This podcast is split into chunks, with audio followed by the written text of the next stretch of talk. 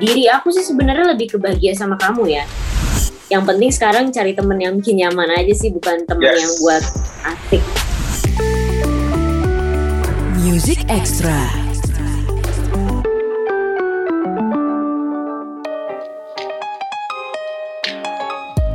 Halo good friends, Music Extra barengan gue Reno Aditya kali ini um, kayaknya lo lebih tahu dengan sosok ini deh dibandingin gue. Saya punya uh, penyanyi, aktris, apalagi ya banyak deh multi talented. Dia adalah Tisa Dian. Hai Tisa, apa kabar? Halo Kak Reno, apa kabar? Kabar baik, sehat ya, sehat ya. Alhamdulillah Kayaknya- sehat. Alhamdulillah. Kan sebelum ngobrol aku tuh stalking stalking Instagram kayaknya lagi sibuk-sibuk. Masih masih masih jalan terus Cinta Fitri, Cinta Fitri syuting atau udah selesai sudah tinggal tinggal jalan aja, tinggal Eh, running aja. sebenarnya udah selesai dari bulan Juli, cuman karena memang sekarang lagi tayang ya Cinta Fitri, jadi eh, aku lagi promo-promo terus gitu di Instagram, di Ah. sosial media. Oh, si si si. Um, good friends, ada yang udah nonton mungkin dan notice nggak sih kalau theme songnya itu dinyanyiin sama Tisa Biani?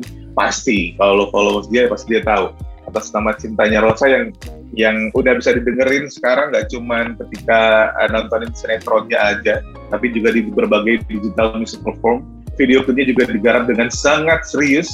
Ini serunya nih kayak hal yang menyenangkan gak sih ketika kamu bisa nyanyi sesuatu apa ya berkarya nyanyi terus kalau penyanyi itu kan salah satu yang bikin bahagia adalah ketika lagunya dibuatin musik video yang keren Yap. dan ya kan uh, walaupun kamu acting di berbagai film ataupun sinetron tapi ketika bikin video klip itu gimana rasanya? Itu kan represent karya Tisa secara pribadi lagunya gitu. Eh, pastinya seneng banget, bersyukur. Apalagi yang mendirect video klip atas nama cinta itu yang yang mendirect series Cinta Fitri juga gitu. Jadi aku eh, mempercayakan penuh eh, semuanya ke Mas Anggi Umbara yang memang dia bisa kita bilang senior juga di video klip lagu-lagu Hmm. Dewa 19, lagu eh, The Massive dulu jangan menyerah sama Mas Anggi juga, terus Cinta Mati eh, juga dia yang direct gitu. Jadi pastinya ada suatu kebanggaan tersendiri juga di direct sama Mas Anggi. Dan kalau soal konsep video klip juga aku nggak terlalu banyak ikut campur. Aku serahin semuanya ke MD Music yang menaungi lagu atas nama cinta. Jadi benar-benar ya kayak ibaratnya sebagai hadiah juga sih buat aku dan dan senang banget bisa ada di dalam proyek atas nama cinta.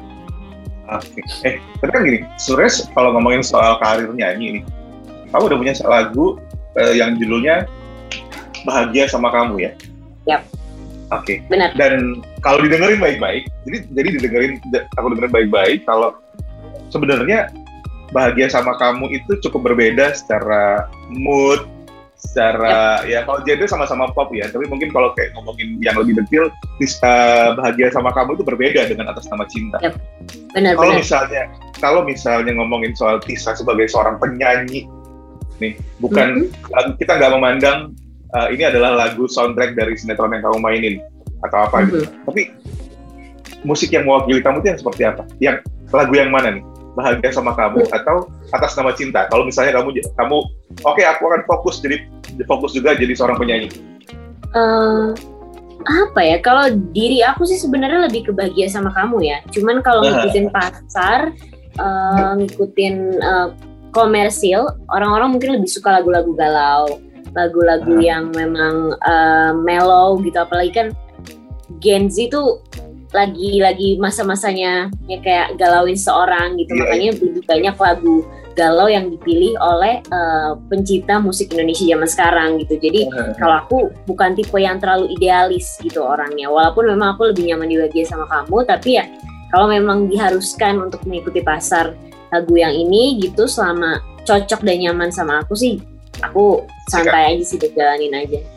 Oke, oke. Tapi enggak kok bahagia sama kamu itu enak loh. Maksudnya enggak eh dibilang dibilang nggak galau nggak juga tapi emang ya tin ya gimana ya ada nadanya ya Jarang. nada nada uh, teenage song yang menyenangkan buat didengerin gitu kan sebenarnya nggak nyangka ketika kan pertama denger adalah atas nama cinta dulu terus Mm-mm. bahagia sama kamu ini expect-nya ya kurang lebih sama dengan atas nama cinta lah tapi ketika didengerin eh beda loh lagunya gitu kan maksudnya kayak jujur aja kayak ngebayangin ketika harus ngebayangin Tisa nyanyi ya yang dibayangin adalah lagu bahagia sama kamu sebenarnya tapi atas nama cinta juga nggak kalah menarik karena lagu ini udah besar duluan di masanya Hmm, Iya nggak sih? hmm, atas nama Benar. cinta udah tra- trademarknya Teh Rosa, Teh Ocha, kemudian hmm.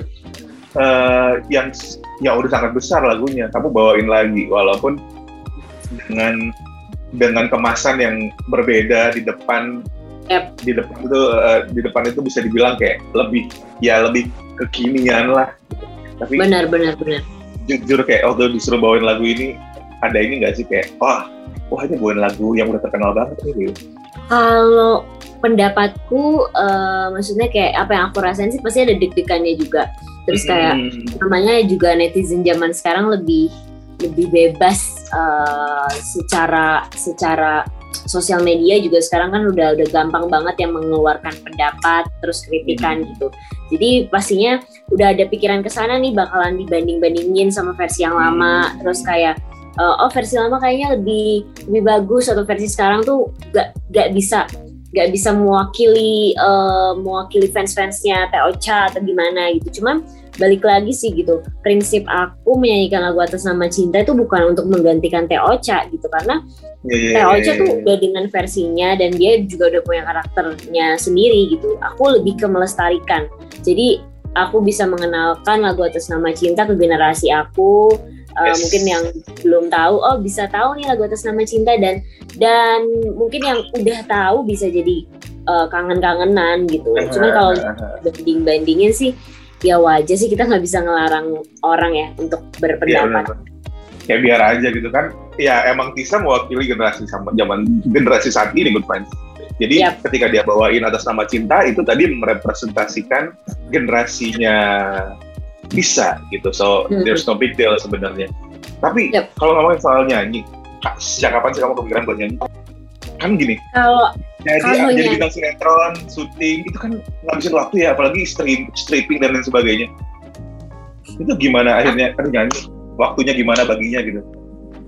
aku yakin setiap pribadi eh, orang yang yang ada di dalam dunia seni itu pasti ada potensi banyak ke ke bidang lain gitu kayak misalnya pasti aktor bisa nyanyi atau bisa nari gitu kalau kalau dia mau mau di di eh, kembangin ya gitu jadi pas pertama kali aku nemu passion lain selain acting tuh kalau nggak salah kelas 6 SD jadi waktu itu lagi nunggu syuting tiba-tiba ada pemain lain tuh bawa gitar.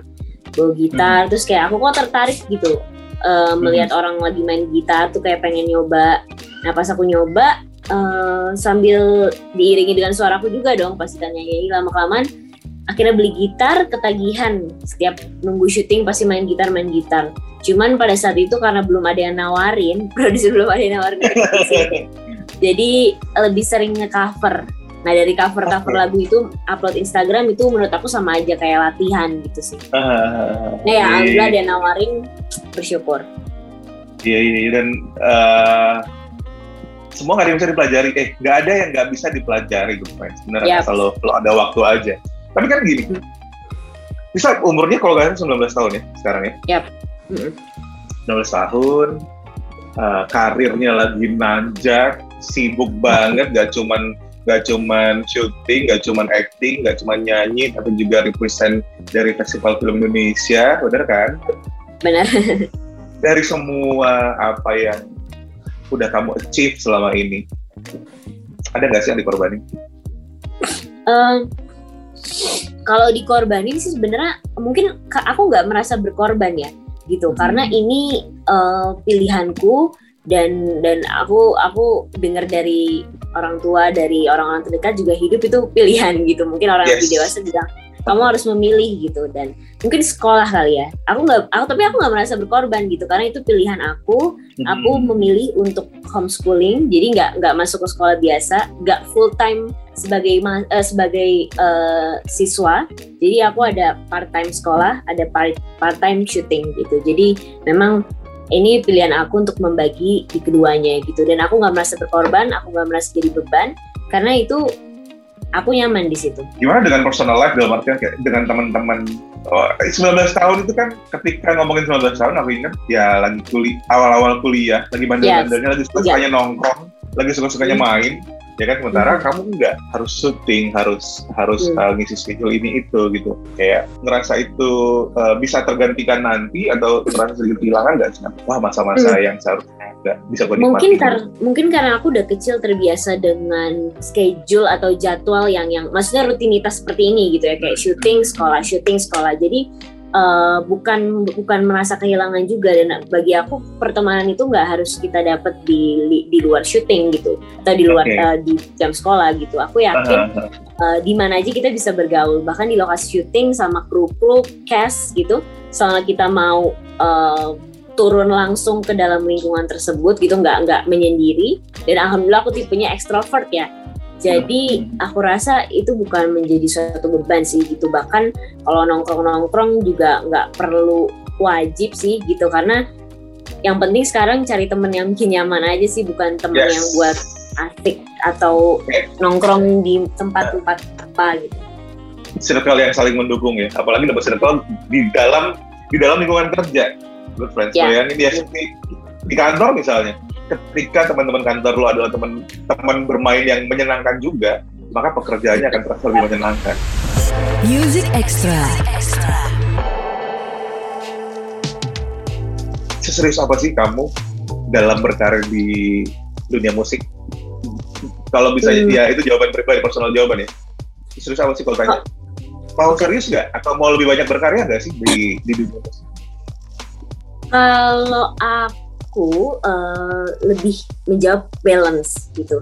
Jadi Hmm. selama aku ada job di musik, ayo. Kalau misalnya lagi nggak ada job di film, kalau nggak ada job di musik, eh kalau nggak ada job di musik aku ke film gitu. Jadi dua-duanya eh, balance ganti-gantian gitu. Jadi aku juga belum belum bisa menganggap aku sebagai penyanyi eh, penyanyi yang benar-benar apa ya kategorinya penyanyi gitu aku masih harus Mhm. banyak latihan gitu dari teknik vokal dan segala macem gitu apalagi aku juga baru di dunia musik gitu jadi sambil belajar di dunia musik aku bisa mencari kegiatan aku yang lain yaitu di dunia film gitu yang memang udah jadi passion aku gitu Oke. jadi sambil saya kalau lagi break mungkin nanti latihan-latihan sambil gitu sih Hmm, nice. Oke, jadi ya kerja bisa di selama bisa dikerjain dua-duanya Hmm. berarti itu layak untuk dikerjakan.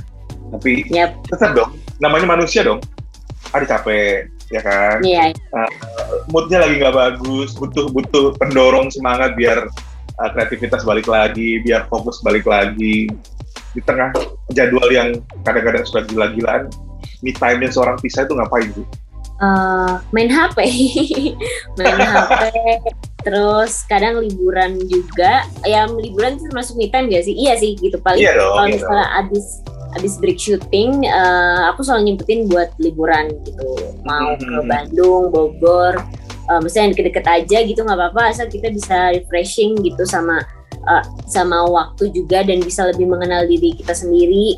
Terus paling tiga harian tuh udah cukup sih aku rasa gitu untuk bisa uh, back to uh, apa rutinitas gitu kerjaan lagi. Jadi bukan soal seberapa jauh, seberapa mewah, seberapa, seberapa menyenangkannya. Yang penting selama itu menyenangkan, bisa bikin mood kembali, itu adalah me time buat kamu ya. Mm-mm, benar. Keren, keren. Karena kan, ya lagi-lagi pilihan seperti yang dibilang tadi, good friends. Ketika kita milih pasti ada yang kita akan kita akan nggak menikmati satu sisi lagi, gitu. termasuk saat misalnya eh, ada orang yang memilih gue nggak mau terlalu seru kerja karena gue pengen punya waktu lebih banyak untuk menyenangkan diri sendiri. Tapi mungkin lo akan kehilangan opportunity pekerjaan yang lebih besar sebagai risiko dari memilih untuk itu. Gitu juga dengan Tisa. Nah, nyanyi udah, uh, acting udah, di umur 19 tahun. Pernah nggak sih kamu kepikiran kayak uh, one day gue akan pensiun dari ini semua gitu? Akan fokus ke hal lain gitu? Atau mungkin Hmm. karena memang terbiasa dari kecil udah syuting segala macam, Hmm. kayaknya ini adalah hidup gue deh. Susah sih susah aku belum belum berpikiran nanti uh, misalnya aku sudah ber- berkeluarga gitu pastinya kan udah beda tuh prinsip dan visi misinya gitu dan dan um, aku harus berkembang lagi nih mau jadi apa lagi mau jadi apa gitu apalagi uh, dunia film tuh eh dunia seperti ini tuh kadang nggak tahu kita mau dibawanya ke mana gitu dan nggak dan nggak selamanya pasti sementara sampai sekarang masih mikir sih gitu kalau nggak jadi di film aku jadi apa karena dari kecil aja dari umur tiga tahun atau empat tahun tuh aku udah emang udah passionate ke uh, entertainment gitu jadi aku Ah. udah dulu suka nonton film suka acting acting sendiri di depan kaca gitu makanya Mhm. sampai sekarang lagi nyari-nyari nih passion lain aku apa selain ada di dunia seni gitu. Iya iya. Eh ini ada good friend yang nanya. Jadi gini, eh Tisa kan ketika acting itu suka berperan jadi orang yang lebih dewasa daripada umurnya, Mhm, ya kan? Eh sementara Tisa masih belasan tahun. Nah mhm. itu ber- berimbas nggak sih ke dunia nyata dalam artian kamu ngerasa lebih dewasa dibandingkan dibandingkan dengan anak-anak seumuran kamu sendiri? Sebenarnya bukan karena aku berperan aja, tapi lingkungan aku juga yang membawa aku bisa menjadi orang yang lebih dewasa dari umurnya gitu. Karena kan dari kecil pasti aku terbiasa syuting ketemu sama orang yang lebih tua, ya kan? Mana mungkin aku syuting sama kru yang umurnya misalnya aku dulu syuting lima tahun, krunya lima tahun gitu nggak mungkin kan? Uh, krunya pasti yang kayak udah 30-an, 40-an. Nah, dari situ jadi kayak eh, apa ya kayak beradaptasi sendiri gitu dengan lingkungan-lingkungan yang lebih dewasa gitu. Mungkin karena itunya ya, karena lebih banyak bergaul sama orang yang lebih dewasa jadi eh, mungkin jadi kayak gesturnya ke bawah atau cara ngomongnya Oke oke. Ah, nggak tahu nih. Kadang-kadang kan ada beberapa orang, kayak beberapa profesi yang membuat kita harus jadi orang lain ketika berada di tempat kita bekerja. Misalnya, let's say aku sebagai sebagai broadcaster, kalau ketika siaran ya menjadi sosok yang berbeda. Tapi ketika di rumah, ketika barengan sama teman-teman ya jadi diri, diri sendiri. Gitu. Itu kamu itu terjadi, sama Tisa nggak sih? Ketika di lokasi syuting, Tisa adalah seperti ini, tapi ketika di rumah kembali jadi Tisa yang mungkin manja sama orang tua, Tisa yang kerjanya main handphone aja gitu-gitu. aku akan keluar eh, tisanya gitu tisa Biani asli itu kalau aku udah nyaman sama sama orang gitu. Mau di luar ruangan eh maksudnya di luar dari rumah atau di pekerjaan aku akan menjadi bisa eh, jadi diri sendiri lah istilahnya gitu ketika aku udah mulai nyaman sama orang gitu. Misalnya nih orang kocak nih atau bisa bro- apa aja sama dia gitu ya aku akan ya akan mengeluarkan Tisa Biani aslinya gitu. Tapi kalau Mhm. yang kita baru ketemu sama orang yang pasti ada jaim-jaimnya dikit atau Betul, malu-malu pasti. dikit. dan itu aku rasa normal sih realita manusia pasti, pasti, pasti. Kan kita kayak membaca situasi juga nggak sih? Jadi Yap. kalau gue udah udah keburu eh, bercanda-bercanda gak goreng ternyata orangnya nggak se kan enggak ya Nah, beneran, beneran, beneran, beneran. Well, eh, kenal sama Tisa Biani, mungkin good friends juga baru baru kenal sekarang. Ternyata apa ya pilihan hidup itu berpengaruh besar sama apa yang apa yang akhirnya terjadi sama diri sendiri. Kayak eh, bagaimana dia handle kritikan dari luar. Karena kita tahu Indonesia itu kan pernah jadi pernah nggak sih baca artikel atau dengar Indonesia itu memiliki netizen yang paling paling eh, kita Paling pakai bahasa sadis. Indonesia halus. Eh, paling sadis di dunia. Kamu pernah nggak sih ngerasain efeknya? Pernah pernah. Diomongin yang Pernah, enggak atau gimana gimana? Pernah mungkin karena aku eh, mengalami itu ya. Jadi kayak aku sempat browsing browsing ini orang Indonesia kenapa sih? gitu. Dan ternyata keluar netizen Indonesia itu em, mendapati peringkat ketujuh atau ke mana eh, keberapa itu aku lupa. Eh, netizen paling istilahnya kayak paling sadis lah gitu. Tapi akhirnya lama-lama terbiasa aja ya udahlah udah hafal orangnya. Diladenin juga percuma gitu kan? Iya ya benar. Lebih gak baca sih. Mm, Oke, Eh, karena terlalu sibuk, bukan terlalu sibuk ya, punya pekerjaan yang banyak segala macam pasti akan ber, ber- berefek. Apalagi kehidupan pribadinya kadang-kadang diketahui banyak orang, jadi nggak punya privasi yang cukup, pasti akan berimpact sama uh, personal health, mental health dan lain sebagainya. Coba terakhir sebelum kita tutup obrolan ini dari seorang Tisa Biani, gimana sih tetap waras, tetap bisa ngerasa senang, happy, enjoy ngejalanin semua aktivitas. Walaupun di tengah banyak tekanan, kesibukan, belum lagi segala macam kritis, belum lagi gosip-gosip, belum lagi haters yang ngomongin, biar tetap chill, biar tetap waras. Apa sih yang kamu lakuin biasanya? Hmm. Kalau aku hmm, prinsipnya gini sih kak, maksudnya walaupun aku di usia yang masih sangat muda mungkin bagi sebagian orang, tapi aku selalu berpegang teguh sama tanggung jawab gitu. Prinsip aku, ya aku memang harus bekerja gitu. Tanggung jawabnya kayak gitu, harus sekolah, harus bekerja, harus sekolah, harus bekerja gitu. Jadi makanya aku ngejalanin semua ini dengan enjoy tanpa beban karena aku udah punya prinsip tanggung jawab itu. Mungkin kalau yang ngerasa itu bukan tanggung jawab lebih ke beban gitu. Aduh gue males banget nih gitu. Itu beda ya ngejalaninnya gitu. Karena aku udah ngerasa ini udah bagian dari hidupku harus syuting uh, harus sekolah dan segala macem. Jadi ngejalaninnya kayak ya udah ini emang udah realitas seperti ini. Jadi udah santai udah udah bawa fun dan super enjoy mungkin. Kalau mau syuting pulang pagi atau misalnya harus syuting ke mana ke, ke daerah mana atau nyanyi ke uh, mana gitu. Udah udah enjoy sih.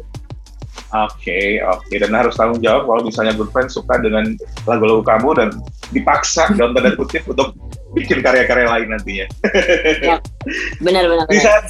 Terima kasih banyak udah ngobrol hari ini di Music Excel udah mampir. Sukses terus, sehat terus. Mudah-mudahan di tengah kesibukan tetap sehat, tetap menyenangkan moodnya dan bisa kasih banyak karya buat uh, semua orang Indonesia ya.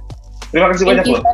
Jangan lupa dengerin sama-sama jangan lupa dengerin single terbaru di Sabiani atas nama Cinta, soundtracknya Cinta Fitri. Video klipnya keren banget, lo harus tonton di YouTube-nya uh, MD Music.